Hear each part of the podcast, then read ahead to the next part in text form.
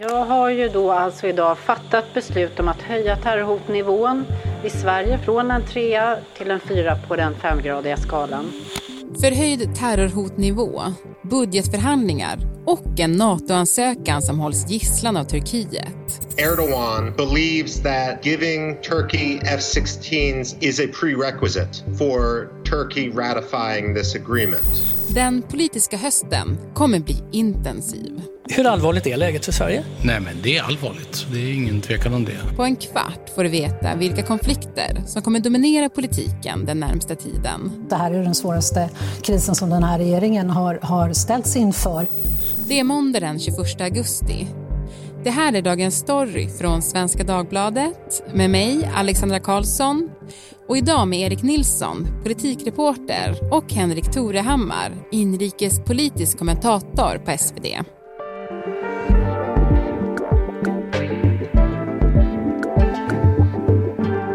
Henrik, vad har du gjort i sommar?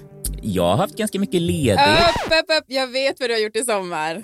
Då är det frågan då, på minglet med statsminister, vilken typ av champagne drack ni? Jag vet inte, men det såg ut att vara riktigt bubbel. Det var riktigt bubbel, alltså inte, inte kava eller skumpan och sådär? Jag tror, jag tror det.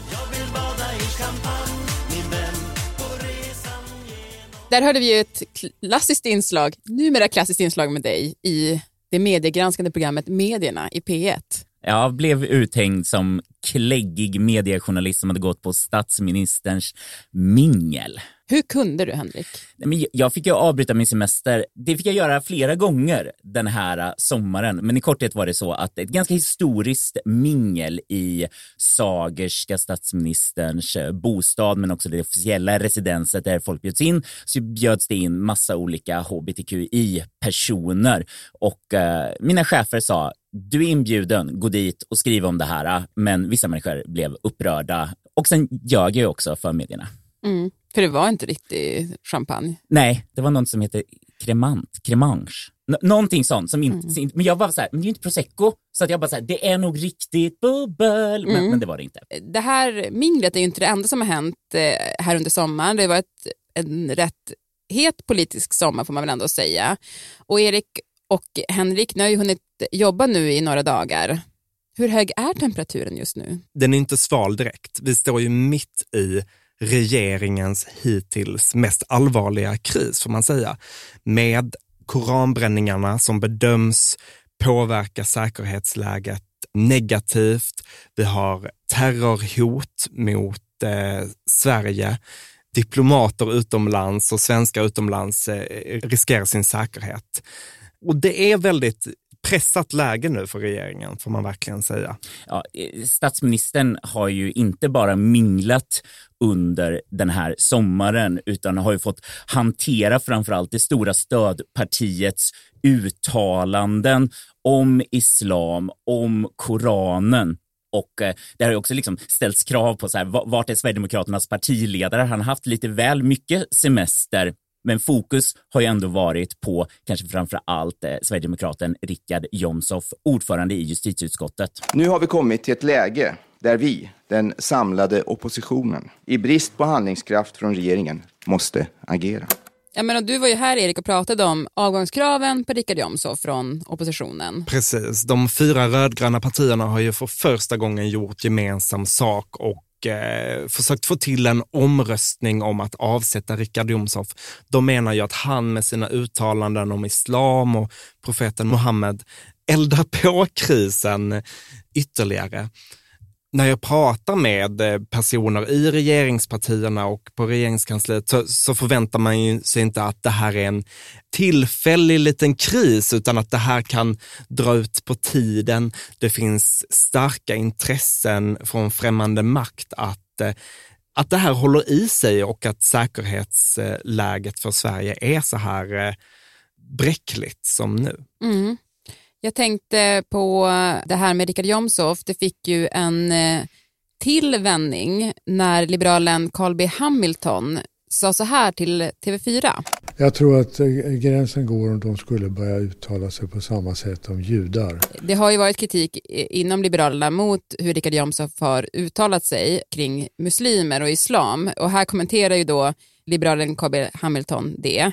Men det här fick ju enormt mycket kritik, det här uttalandet. Det får man verkligen säga. Det är ju ett eh, ganska exceptionellt uttalande då, menar många, som tycker att han rangordnar eh, olika folkgrupper här på ett sätt som inte är så förenligt med eh, Liberalernas värdegrund. Mm. Och det blir ju extra problematiskt när Ulf Kristersson har gått ut och sagt alla måste besinna sig, tänka på hur man uttrycker sig. Och problematiken här är ju inte bara liksom eh, visa det här att liberalerna gör skillnad på judar och muslimer, utan hur skulle det här kunna användas i andra länder i just det här allvarliga säkerhetsläget?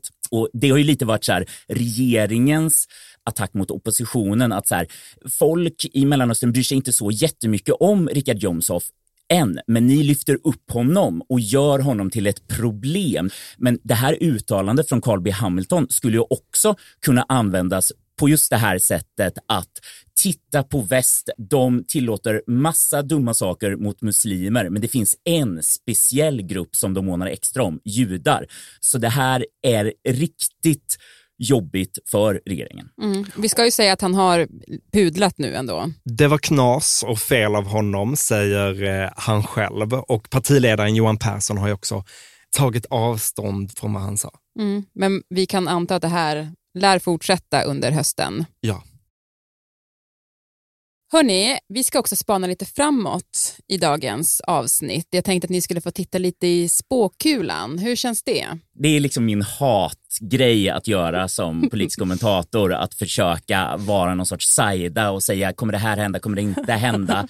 Men jag tänker att om vi tar oss ett annat grepp, om vi tänker oss att det är mer så här awards season den här hösten, vad kommer det stora eventet bli? Det är mycket mer bekväm med att utse så här, åh det finns starka tävlande, men vem tar hem det? Kan vi jobba lite så? Mm, absolut. Så ska vi göra det då. Vi har en egen gala här ett litet tag och då tänker jag att Politikreporters egen award season på hösten, det måste ju vara de politiska kongresserna. Absolut. Oh, ja. Och de nominerade i kategorin Höstens kongress är Centerstämman, Miljöpartiets kongress, Liberalernas landsmöte och Moderaternas ordinarie partistämma. Ja, det är fyra starka kandidater. Vem kommer ta hem det? Nej, men skämt åsido, det här är ju intressant för oss för att de här partierna ska ta ställning till vilken politik de ska föra. Det här är medlemmarna som ska få rösta. Och Moderaterna, de har ju sina arbetsgrupper och de ska liksom verkligen anstränga sig, eh, inte göra om misstaget från alliansåren utan fortsätta internt utveckla ny politik och vara liksom relevanta för väljarna. Eh, vi har ju Liberalernas landsmöte, det är väl lite osäkrare där. Tidigare har det alltid varit så här, ska vi samarbeta eller inte samarbeta med Sverigedemokraterna? Det är ju väldigt tydligt vart Liberalerna har landat i den frågan. Är det det? Du tror, du tror att det, det kan hända nej, någonting? Nej men, nej, men Liberalerna är väl alltid ett väldigt spännande parti att följa.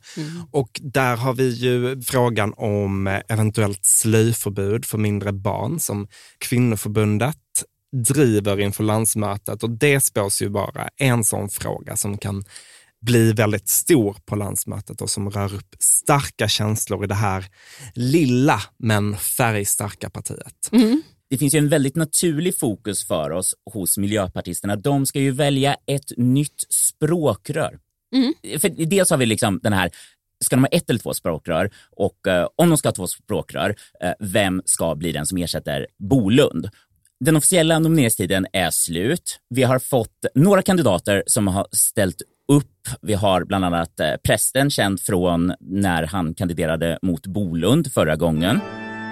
Magnus P. Wåhlin Mm. från Växjö. Vi har fått eh, polisen som folk har tyckt så här, ja men det här är lite spännande, vi behöver liksom bli lite starkare rättsfrågor. Martin Malmgren satt i riksdagen tidigare som ersättare. Och sen så har vi lite kanske mindre kända Torbjörn Nilsson, alltså inte vår kollega reportern. Nej. Och sen så har vi ju Daniel Heldén, favorittippad kandidat, har nu sagt till Aftonbladet det väldigt väntade beskedet att även han vill ställa upp. Mm. Och att han kan tänka sig att vara eh, själv som språkrör. Precis, för de, det, det är väl de andra, de är liksom så finkänsliga feminister som inte vill att en man ska leda partiet själv ifall det blir bara en partiledare, utan då ska Märta Stenevi få fortsätta, tycker de. Men vi har ju fortfarande kvar åtminstone ett intressant namn som vi vill veta, nämligen Jag ser det regna, jag ser det regna det var... Per Holmgren från Europaparlamentet. Mm. Han har inte bestämt sig än, eller? Vi har inte hört någonting i inspelande stund från honom. Det pratas lite också om för detta biståndsministern Per Olsson Frid. Mm. Och en person som har blivit eh, föreslagen, det är ju Henrik Blind från Jokkmokk. Väldigt populär miljöpartist i Jokkmokk. Miljöpartiet har också ett enormt väljarstöd där. Mycket tack vare honom. Just det, Jokkmokk, precis. För annars är ju det inte det klassiska gröna hjärtlandet. Så det kommer bli intressant att se var det här också erkänt stökiga partiet landar. Så Miljöpartiets kongress ska vi inte heller glömma bort, men jag tror nog att den starkaste kandidaten är ändå det som står näst på tur i slutet av september. Då ska Centerpartiet, Muharrem Demirok, slå fast partiets nya skolpolitik det är väldigt oklart också vad den kommer bli, hur stor förflyttningen är. Men signalen har ju varit att man ska komma med nya svar och tolkningen är att ja, man kommer lägga sig närmre den vänstra analysen utav att det nuvarande systemet med skolor i Sverige inte funkar. Och frågan är väl, har han verkligen Centerpartisterna med sig på denna resa? Det blir väldigt spännande att se. Centerpartiet har ju varit det parti som under januariavtalet förbjöd Socialdemokraterna att driva någon form av skolpolitik som är den här riktningen som Muharrem Demirok nu vill gå till. Det handlar ju om att begränsa skolkör, vinstutdelning och förändra skolpengssystemet. Vi får se hur det går. Elisabeth Tand Ringqvist som utmanade honom i kampen om att bli partiledare, hon har ju sagt att det här är inte centerpartistisk politik. Så att vi får se hur hög konfliktnivån blir på den här, den här galan. Mm. Det här var ju väldigt många starka nominerade och alla vet att en vinnare måste utses. Och vinnaren är... Moderaterna. Centerstämma, vi... centerstämma. Varför Moderaterna? Moderaterna som vi inte har nämnt partiet som har statsministerposten lägger fram ny politik. Det eh, som eh, kan bli verklighet i Sverige inom kort. Det tycker jag är spännande. Ja, närsikt från mig. Den som kommer närmast här nu, intressant policy shift, mm. Centerpartiet. Okej, okay, vi har tippat olika vinnare. Vem mm. vet? Nästa år kommer vi veta vilket som var det mest spännande politiska eventet under hösten. Ja, men vi får se vem som har rätt. Eh, jag tänkte att vi snabbt ska hinna med några sista saker också. En sak som kommer här i närtid det är ju budgeten.